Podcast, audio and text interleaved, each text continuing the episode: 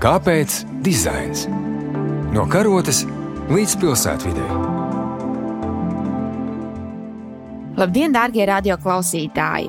Ar jums kopā ir raidījums Kāpēc dizains un es, Jelena Solovjova. Apgūt anatomiju vienkārši. Šāds ir Anatomija Next izglītības rīku veidotāju uzsaukums visiem tiem, kuri izzina šo bioloģijas nozari par dažādo dzīvo organismu formu un uzbūvi.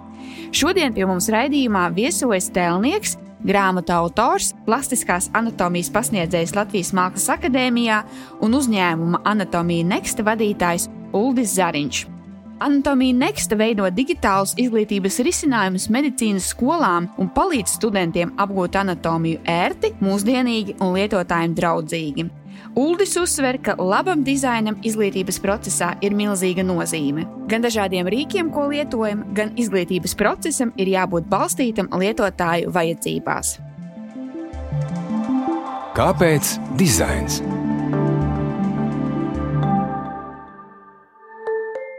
Uldi, izstāstiet, lūdzu, kas tad ir anatomija next?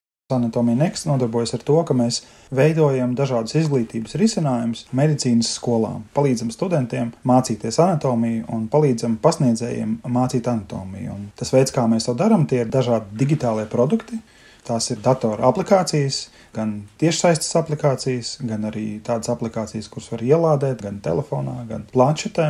Un tad šo aplikāciju palīdzību studenti var ātrāk sagatavoties laboratorijas darbiem un vieglāk iemācīties vielu, jo nevienam nav noslēpums, ka mēs šobrīd atrodamies sarežģītos apstākļos. Daudz, kur mācības notiek attālināti, un lai viņas varētu nodrošināt, tad šādi attālinātās mācības vai digitālās mācības instrumenti, kuri ne tikai teksts, bet tur ir arī attēlu, un mūsu gadījumā tie ir 3D trīsdimensiju veidojumu, kur anatomijas preparātus var arī grozīt savā ekrānā un mācīties no tiem attēliem. Jūsu mājaslapa vēsta, ka jūsu misija ir padarīt anatomiju vienkāršu. Vai anatomiju vispār var padarīt vienkāršu, jūsuprāt? Nu, viņu var padarīt sarežģītu, pilnīgi noteikti. Tas bieži vien arī notiek, un tas nav apzināti, tas nav tīšām. Šīs zināšanas, viņas ir tik komplicētas un tik daudzslāņainas. Es to ļoti labi zinu, jo es pasniedzu Mākslas akadēmiju. Es apzinos to, cik vienkārši ir sarežģīt studentam dzīvi. Jo es kā pasniedzējs, protams, zinu vairāk nekā students. Man ir liels kārdinājums aizmirst to, cik tās lietas patiesībā ir sarežģītas, ja tu viņas nezini, un man gribās izstāstīt vairāk. Un ar šo te pirmajā brīdī šķietami labu mērķi izstāstīt vairāk, var padarīt šo mācību procesu ļoti apgrūtinošu studentam.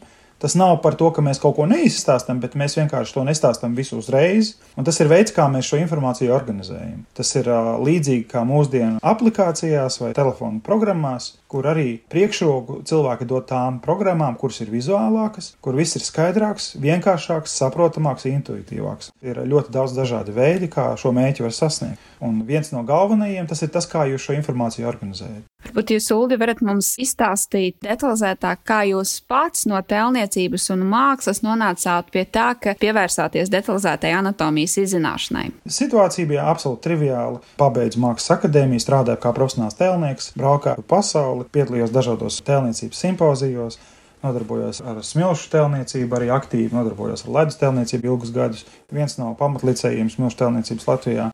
Veidojot šos figuratīvos tēlus, tev ir ļoti ierobežots laiks. Tu kā mākslinieks atbrauc uz kādu projektu, dots ļoti īsts laiks, un tev ātri jāpieņem lēmumi un ātri jāizveido skulptūras. Tev nav laiks gaidīt. Ja tu esi savā darbnīcā, veido savu akmens skulptūru, tad tu vari gatavoties, tu vari veidot skices, un tu vari visādīgi nodrošināties par to, lai nepieļautu kļūdas. Savukārt, ja tu esi mākslas projektā, tad lēmumi ir jāpieņem ātri, un tev ir jābūt ļoti kvalitatīviem izējuma materiāliem, ļoti kvalitatīviem, uzskatāmiem materiāliem, no kuriem tu savu mākslas darbu veido. Un tad es saskāros ar problēmu, ka tādas tēlniekiem piemērotas anatomijas nemaz nav. Es vienkārši nevarēju atrast. Bija dažas grāmatas, kuras bija noderīgas tēlniekiem, vai arī kuras kaut kādā mērā derēja manos gadījumos, bet tādas, kas būtu speciāli pielāgotas tēlniecībai, tādas es nevarēju atrast. Un tas, ko es darīju, es ņēmu šīs tēlniekiem domātās grāmatas un vēlāk arī medicīnas literatūru Un es vienkārši balstoties uz šiem medicīniskiem rakstiem un ļoti skopajām vizualizācijām, es veidoju sev tā kā spikerīšus, pēc kuriem tālāk es varēju strādāt. Un es pamanīju, ka mani kolēģi bieži vien no manis šos spikerīšus prasa, veidojot savus mākslas darbus. Tad es saņēmos un nodrukāju veselu tādu mapi ar šiem zīmējumiem un attēlu kolekcijām. Un šīs mapes dāvāju saviem kolēģiem, un viņi bija ļoti pateicīgi par to, ka es reāli atviegloju viņu mākslas darbību. Un tad kādā brīdī es sapratu, ja reiz es varu noderēt šiem māksliniekiem, var gadīties, ka es varu noderēt arī plašākai mākslinieku saimē. Tas bija tas laiks, kad parādījās arī Facebook. Tad es izveidoju tādu lapu, kas saucās Anatomija priekštēlniekiem. Un es šajā lapā vienkārši sāku dalīties ar šiem zīmējumiem salīdzinoši neilgā laika periodā ieguvu kaut kādus 50 tūkstošus sekotājus. 2000, tas jau bija 11. gads, es vaicāju savam sekotāju pulkam, kādā veidā šīs zināšanas es varu vēl labāk viņiem pasniegt. Tas bija tas laiks, kad parādījās visās daudzās aplikācijas, parādījās iPhone un virkni visādi citu risinājumu, un es domāju, ka man ir jāuztais kāda aplikācija. Uz ko man atbildēja, ka viņiem nevajag nekādas aplikācijas, viņiem vienkārši vajag grāmatu. Tas prasīja man kādu pusgadu, Un grāmata bija gatava. Tad mēs viņu izdevām, un izrādījās, viņa bija milzīgs dispārdoklis. Jā, viņa joprojām ir starp piecām pirktākajām mākslinieku anatomijas grāmatām pasaulē. Viņa ir ļoti labi atzīta, sekotāju pulks ir pieaudzis, un tagad es strādāju pie savas trešās grāmatas. Otrā grāmata, ko es izdevu jau vēlāk, bija par sejas izteiksmi anatomiju, tātad anatomija facial expression. Un trešā grāmata, pie kuras šobrīd strādāju, kur jau ir mm, praktiski savā pēdējā fāzē, visa grāmata jau ir gatava, viņa tiks nodrukāta burtiski pēc nedēļas. 10. martā ir ieplānota drukāšana, un šī grāmata būs par galvas un kakla formu. Tas ir tas sākums, tikai es teiktu, izstāstīju pašu sākumu. Jūs sākāt ar grāmatu, precīzāk ar vairākām grāmatām, un tad tomēr nonācāt līdz lietotnei. Nu, tas ceļš nebija taisns. Es sapratu, ka es varu šo informāciju sakārtot priekš māksliniekiem, un kāpēc tā grāmata ir tik populāra. Jo sākumā es to nesapratu, bet beigās es to sapratu.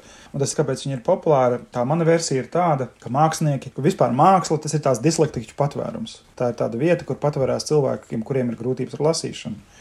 Un disleksija jau izpaužās ne tikai grūtībās lasīt, disleksija tā ir arī grūtības ar skaitļiem, tāpēc tie cilvēki atrod citu veidu, kā viņi var sevi realizēt. Un māksla tas ir brīnišķīgs veids, ja mēs runājam par vizuālo mākslu vai tēlniecību, tā ir tāda vieta, kur tu bez neviena vārda vai bez neviena skaitļa vari reāli sevi izteikt, izpaust. Mm, man pašam ir disleksija. Tad, kad es nopērku anatomijas grāmatu, es izšķirstu visas bildītas, un varbūt pēc tam tikai izlasu, kas man nav saprotams. Jau tajā laikā es nevarēju saprast, kāpēc tās grāmatas māksliniekiem ir tik šausmīgi nedraudzīgas māksliniekiem, kāpēc tur ir tik daudz teksta. Un tad es sev apsolīju, ka tā grāmata, ko es taisīšu, viņā tā teksta būs ļoti maz. Un, ja es to nevarēšu izteikt uh, ar bildīti, tad man vajag vienkārši kārtīgāk pie tā pastrādāt un tomēr izteikt ar bildīti. Protams, ka visu mēs nevaram dzīvē izteikt ar bildīti, bet ļoti daudz ko mēs varam pateikt ar simboliem un ar bildēm. Man tajā laikā jau bija divi bērni. Vecākā mākslas meita viņai bija 11, laikam, gadi. Un tad es katru nākamā lapu, ko es uztaisīju, es devu viņai un prasīju, ko viņa tajā lapā redz. Un no tām atbildēm es secināju, vai es esmu sasniedzis savu mērķi vai nē. Tātad 11-gadīgs bērns bija mana mēraukla, pēc kuras es mērīju, vai es esmu pietiekami skaidri izteicies. Un es ceru šo skaidrību saglabāt turpmāk. Pēc tam, kad mēs sapratām, ka mēs ar šīm zināšanām un ar šīm atziņām cenšamies arī noderēt medicīnas apmācībām. Izstāstiet, Ulu, kā jūs nonācāt līdz medicīnas studiju jomai? Kas pamudināja eksperimentēt arī šajā jomā?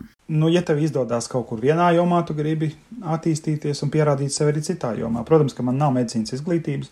Visas tās zināšanas par anatomiju, par fizioloģiju es esmu iegūmis pašmācības ceļā no literatūras, no grāmatām, tik daudz, cik akadēmijā man iemācīja Arvijas Drīzulis, klasiskās anatomijas pasniedzējs, jo varbūt eh, klausītāji to nezina, bet akadēmiskajā mākslā Plastiskā anatomija tā ir obligāta disciplīna. Plastiskās anatomijas mācīšanas tradīcija tā jau nāk no Renesanses laikiem. Ja mēs paskatāmies to pašu Michelangelo vai Leonardo da Vinci, tajā laikā tās robežas starp mākslu un starp medicīnu bieži vien nebija īsti identificējams. Tie bija tā saucamie renesanses cilvēki. Kas ir renesanses cilvēks? Tas ir cilvēks, kurš neuztraucās par disciplīnu robežām. Tātad mūsdienu tiksim, akadēmiskajā vidē šīs disciplinārās robežas ir ļoti skaidras. Un, ja tu netrāpi vienā disciplīnā, tad ir jāmeklē veidi, kā atrasties citā disciplīnā. Un tāpēc es šobrīd rakstu savu disertāciju. Es rakstu disertāciju starp disciplīnām, un abas disciplīnas man kritizē, ka es pietiekami skaidri neatrodos viņu lauciņā. Bet ir dažas tādas tēmas, kuras nebūdams starpdisciplinārajā telpā nav iespējams nemaz risināt. Jā, piemēram, šī mākslas anatomija tā ir absolūti starpdisciplināra tēma. Un tad, kad tu saproti to, ka problēmas izglītībā,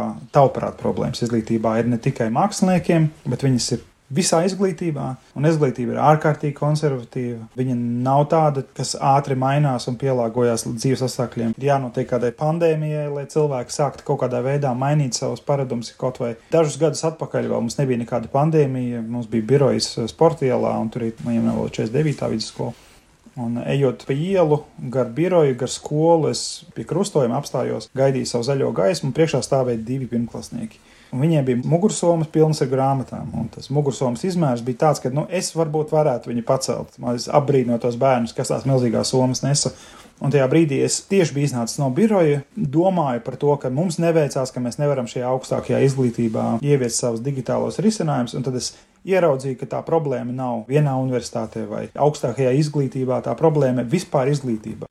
Ka bieži vien netiek domāts par šo klientu vai par šo patērētāju, gala patērētāju tā sistēma ir tik pašpietiekama, ka viņi uzspiež savus spēles noteikumus šiem cilvēkiem, kas tur ienāk. Bet, nu, kā mēs redzam, dzīve tā lēnā garā visu saliek pa savām vietām. Jūs minat, ka izglītība kopumā ir gana konservatīva, un tad, tad patiešām bija nepieciešams tāds pamatīgs grūdienis, lai situācija mainītos. Vai šīs pārmaiņas ir notikušas arī medicīnas jomā, un kā tad ir bijis pirms tam? Vai šī joma ir bijusi vēl tradicionālāka kā citas, vai līdzvērtīga? Ir jāskatās droši vien arī no vietas. Teiksim, ir atsevišķas universitātes, kas ir diezgan progresīvas, un viņām ir šī progresīva. Parasti to nosaka atsevišķas personālīs. Tie ir cilvēki, kas ir progresīvi domājoši, un viņi uzskata, ka vajag, un tur var iebraukt otrā grāvī ar digitalizāciju modernizācija var iebraukt otrā grāvā, un bieži tas arī notiek. Kad šīs izglītības sistēmas vēloties tik ļoti modernizēt, eh, aizmirst to galveno mērķi, kāpēc viņas vispār ir. Ka viņām ir jāiemācās cilvēkam, un ka mērķis nav būt digitālam, mērķis ir palīdzēt mācīties. Es uzskatu, ka nekas labāks par grāmatu, par fizisku papīra grāmatu vēl joprojām nav izdomāts. Bet tā lieta ir tāda, ka grāmata visu nevar. Un mēs nevaram mēģināt uzstiept grāmatu visam. Tieši tāpat kā mēs nevaram uzspiest digitālos risinājumus visam. Vienkārši mums ir jāskatās, kas ir mūsu galvenais mērķis. Ja mūsu mērķis ir ērta un kvalitatīva izglītība, tad uh, jebkurš līdzeklis ir labs. Nav svarīgi, vai tā ir grāmata, vai tā ir lekcija, vai laboratorijas darbs, vienalga, vai tas ir digitālais risinājums. Mērķis ir laba, kvalitatīva izglītība. Tāda izglītība, kas ir ērta visiem. Jo medicīnā, redziet, ir tāda problēma, ka parādās visādas jaunas zināšanas, tagad mūsdienās parādās jaunas tehnoloģijas. Medicīna ir viena no tām ļoti strauji augošajām jomām, un viņas prasa jaunas speciālistus, prasa jaunas ekspertīzes. Pieņemsim, tev ir skola, kur ir, teiksim, seši gadi izglītība, plus vēl rezidentūra. Tev ir ierobežots stundu skaits, tev ir 24 stundas diennaktī. Tad tev atnāk industrija un saka, mums ir vajadzīgi tādi speciālisti. Un tad tu saproti, ka, lai tu viņus varētu apmācīt, tev vienkārši tajās 24 stundās ir jāiebāž vairāk zināšanu. Un tad tev paliek jautājums, vienā brīdī tu saproti, ka tu visu nevari iemācīt, kaut kas no tā ir jāizņem ārā. Jautājums ir, kas ir tas, ko tu ņemsi ārā? Un pirmais, kas, protams, ienāk prātā, tās ir fundamentālās zināšanas tiek ņemtas ārā tādas zināšanas kā ķīmija, kā bioloģija, kā anatomija, ka tu pat daudz izņem ārā vienā brīdī, var sākties nepatikšanas. Daudzas augstskolas to ļoti labi saprot, un tāpēc viņi cenšas optimizēt tā, lai tas vilks ir paēdis un tās aitas ir dzīves. Šobrīd mums ir laba sadarbība ar Stradiņu universitāti. Viņi digitalizējās un izskatās, ka viņi ļoti labi ir sapratuši to problēmu un viņi ir atvērti. Mums ir laba sadarbība ar Vašingtonu universitāti Sietlā, mums ir laba sadarbība ar, Mičiganu universitāti. Tā kā lēnā garā mēs sākam atrast savu pielietojumu diezgan labu. Parunāsim mazliet vairāk par anatomiju Next lietotni un tās dizaina procesu. Kā tika veidot šī lietotne, un arī tos ir ne tikai lietotne, bet arī digitālā vietne, kā jūs miedarbojāties ar lietotājiem, kas jums bija svarīgi šajā dizaina procesā? Varētu teikt tā, ka mums nav tāda viena lietotne, mums ir mājaslapa, kas vienlaicīgi arī ir tāda tā kā tiešsaistes enciklopēdija. Tā kā Wikipēdija tikai balstīta uz mūsu principiem par dizainu, kurai ir papildināta ar šiem 3D modeļiem, ar tekstiem, un tad mums ir, kas nav didaktīva, tur nav nekādas metodikas. Tad ir citas, kas ir anatomija ap, tā arī saucās anatomija.ap, kas savukārt ir šīs vieta vai lietotne vai aplikācija, ar kuras palīdzību var students mācīties. Un tad mēs šo lietotni, kas ir ap, mēs pielāgojam, ja tas ir nepieciešams arī skolām. Respektīvi, nevis skolai ir jāpielāgojas tam, kā mēs sagatavojam informāciju, bet mēs piedāvājam augstskolai kopā ar mums izveidot priekš viņiem tādu lietotni, kā viņi uzskata, kā viņi gribētu mācīt. Un tad, protams, ka, ja mēs paņemam tās pašas anatomijas grāmatas, viņas visas vairāk vai mazāk ir vienādas. Bet tad, kad šī literatūra nonāk skolotāju rokās, vai kad viņi nonāk skolu rokās, tad parādās šīs atšķirības. Jo tur ir dažādi veidi, kā vienu to pašu informāciju var nodot. Un mums ir svarīgi respektēt arī augstskolas vai šī profesora šo metodi. Un jādod iespēja ir ne tikai tos vizuālos materiālus, ko mēs esam sagatavojuši, bet ka profesors var izmantot mūsu aplikācijā, mūsu lietotnē, var ielikt arī savus vizuālos materiālus. Tādā veidā mēs veidojam šo sadarbību ar skolām. Un tā ideja ir tāda, arī tas, ko es iepriekš teicu, šie paši principi, šis pats eh, DNS mūsu, viņš tiek pārnests arī uz šīm lietotnēm. Tātad tas, cik daudz tiek iedot informācija vienā informācijas šķirklī, kādi ir burtu šrifti izmantoti, cik lieli ir burti, kāda ir krāsa, kādi ir attēli, kādi ir 3D modeļi. Tām visām niansēm viņām ir ārkārtīgi liela nozīme. Un mēs nodrošinam, mēs bagātinam šo laboratorijas darbu vai mājas darbu vai klases darbu. Mēs bagātinām ar savām zināšanām, ar savu saprāšanu par vizuālo pusi. Nestrīdamies par saturu, mēs tikai to pasniedzam savādāk. Līdzīgi kā bija ar anatomiju tēlniekiem, kad saturiski jau nekas tur nav cits, vienkārši tas, ka viņa netika pielāgota tēlniekiem, un es viņu pielāgoju tēlniekiem. Un šeit mēs cenšamies pielāgot medicīnas studentiem. Izstāstiet, cik kopumā šobrīd globāli ir plaša digitālā medicīnas e, joma, ko jūs varat mācīties arī no citiem un ko citi mācās no jums. Jā, nu, mēs neesam vienīgie, bet tā konkurence ir diezgan vienveidīga. Ir tādi lielāki spēlētāji, kā 3D for Medical, kas ir tāda vislielākā, tomēr tāda, viņi vissanāk arī sāka šo vizualizāciju, viņi tādi savā ziņā patriarhi. Vissenākie patriarhi ir Visible Body, tur pat esat kaut kādi Amerikas latvieši strādājuši pie tā projekta. Šobrīd nu, viņš ir pārstājis attīstīties. Savukārt, 3D for Medical tas ir savu veidu tāds kā digitālais atlases, ja, ka tu atver, tu skaties, tas ir cilvēks, un tu vari iet uz jebkuru struktūru, klikšķināt, kaut ko uzzināt un tev liekas, tas ir super. Tu vienkārši paņem cilvēku, un tu visu uzreiz redzi, un uz jebko vari klikšķināt. Bet studentam, kurš ir pārgājis no mācībām, kurš ir apjucis, kuram ir svarīgi, lai viņam iedod tikai to, kas tajā brīdī viņam ir jāzina, priekš viņa tas īsti nedara. Tāpēc, ka atverot to atlasu, viņš nesaprot, ko viņam tālāk darīt. Viņam nav iedots nekāds virziens. Un jau sen, sen atpakaļ anatomiju mācīja nevis no kaut kādiem tādiem anatomiskiem modeļiem, bet anatomijas laboratorijā bija maketi anatomijas laboratorijā bija arī preparāti. Un kas ir preparāts? Preparāts ir tas, ka tu paņem kaut kādu struktūru un tu no viņas izņem ārā visu lieko. Tu atstāji tikai to, par ko mēs šodien mācāmies. Bet mēs neskatāmies visas struktūras uzreiz, un tas ir atgriežoties pie paša sākuma, kā es teicu, pie tā, kā mēs sadalām un kā mēs pasniedzam informāciju.